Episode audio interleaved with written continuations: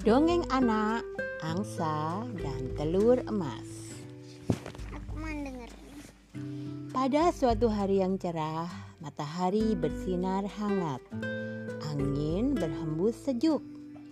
Pak Nurul bersama Rocky dan Rosi sedang asik mengobrol dengan anak-anak. Seperti biasanya, hari ini akan ada cerita seru yang akan disampaikan oleh Pak Nurul pada anak-anak. Sudah siap semua? Seru Pak Nurul.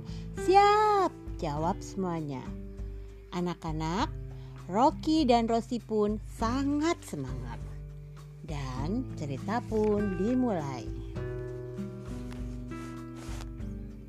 Pada sebuah masa, hiduplah sepasang petani yang sederhana namun hidup bahagia.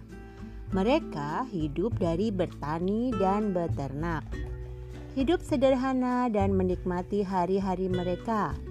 Mereka juga sangat penyayang dan perhatian pada hewan peliharaan mereka. Pada suatu sore, sepasang petani itu dikagetkan dengan sebuah keajaiban. Angsa yang mereka pelihara bertelur emas, bercahaya, dan indah.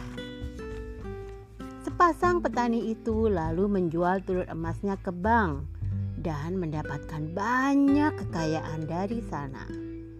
Mereka perlahan menjadi kaya dan bermalas-malasan hingga mereka lupa mengurus sawah dan ternak mereka. Para hewan ternak menjadi sedih dan kelaparan. Mereka tetap bermalas-malasan hingga suatu sore angsa ajaib itu tidak menelurkan telur emas lagi. Sepasang petani itu mulai khawatir dan sedih. Sepasang petani yang menjadi malas itu akhirnya bangkrut dan kehilangan seluruh hartanya. Yang mereka miliki tinggal hewan-hewan ternak mereka yang kurus-kurus. Mereka kembali menjadi petani yang sederhana. Meskipun kembali hidup sederhana, sepasang petani itu menjadi lebih bahagia. Mereka kini lebih bersyukur memiliki yang mereka miliki.